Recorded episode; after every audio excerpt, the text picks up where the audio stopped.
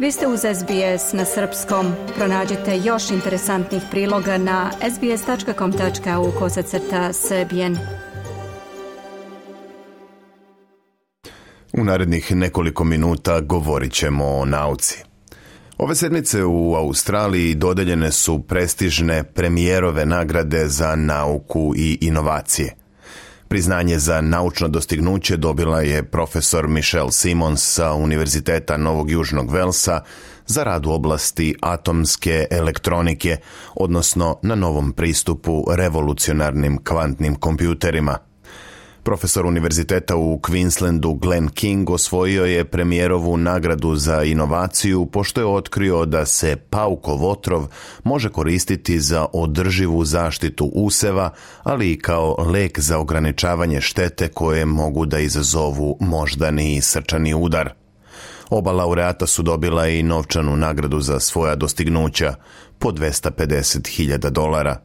Nagradu dobitnici priznanja za nauku profesorki Simons uručili su savezni premijer Antoni Albaneze i ministar nauke Ed Husić. Michelle Simons je rekla da je premijerova nagrada za nauku čini beskrajno srećnom. Ona ovo priznanje vidi kao priznanje za četvrt veka njenog posvećenog rada i nastojanja da napravi nešto potpuno jedinstveno, da pokuša da kontroliše sveta Toma.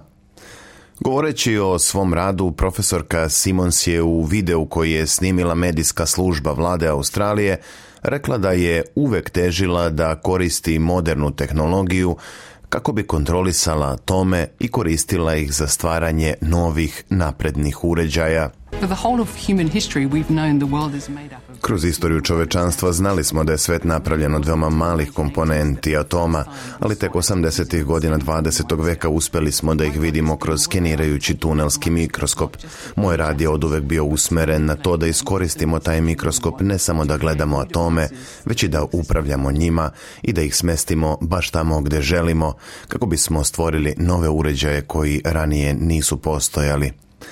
Profesorka Simons je direktor ARC Centra za kvantni computing pri Univerzitetu Novog Južnog Velsa i osnivač kompanije Silicon Quantum Computing. Njen tim je komercijalizovao novi pristup izgradnji kvantnog računara koristeći komponente napravljene atomskom preciznošću. Reč je o globalno jedinstvenom projektu kakav ne postoji drugde u svetu. Simons kaže da su ona i njeni saradnici 2017. osnovali Silicon Quantum Computing, prvu takvu kompaniju u Australiji. Silicon Quantum Computing je ujedno i jedina kompanija u svetu koja može da proizvodi sa atomskom preciznošću. Naša misija je da stvorimo prvi kvantni kompjuter u svetu koji će automatski ispravljati greške, da ga stvorimo ovdje u Australiji.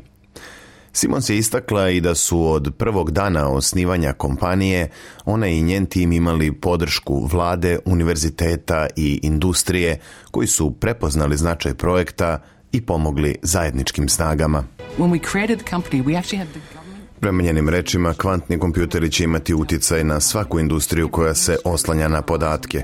Bilo da je reč o nameri avijacije da smanji troškove goriva, stvaranju efikasnijih đubriva za poljoprivredu ili upotrebu u medicini kako bi se maksimalno skratilo vreme za dizajniranje novih lekova. Simons je također iznela mišljenje da su naučnice često pocenjene u savremenom svetu, iako nauka ima velike koristi od većeg učešća žena. Ova naučnica inače je dobitnica L'Orealove UNESCO nagrade za žene u nauci za 2017. godinu, a bila je izabrana i za Australijanku godine. Drugu najvredniju premijerovu nagradu dobio je profesor Glenn King sa Instituta za molekularnu bionauku na Univerzitetu u Queenslandu. Priznanje za inovaciju pripalo mu je za pionirsku upotrebu peptida iz otrova australijskog pauka za održivu zaštitu useva, ali i za ljudsku zdravstvenu terapiju. Njegove kompanije Vestaron i Infants Bioscience Razvile su i preparat na bazi otrova pauka za pomoć u lečenju posljedica moždanog i srčanog udara. Slušate SBS na srpskom. Ja sam Branko Cvetojević. Ostanite uz nas. Želite da čujete još priča poput ove? Slušajte nas na Apple Podcast, Google Podcast, Spotify ili odakle god slušate podcast.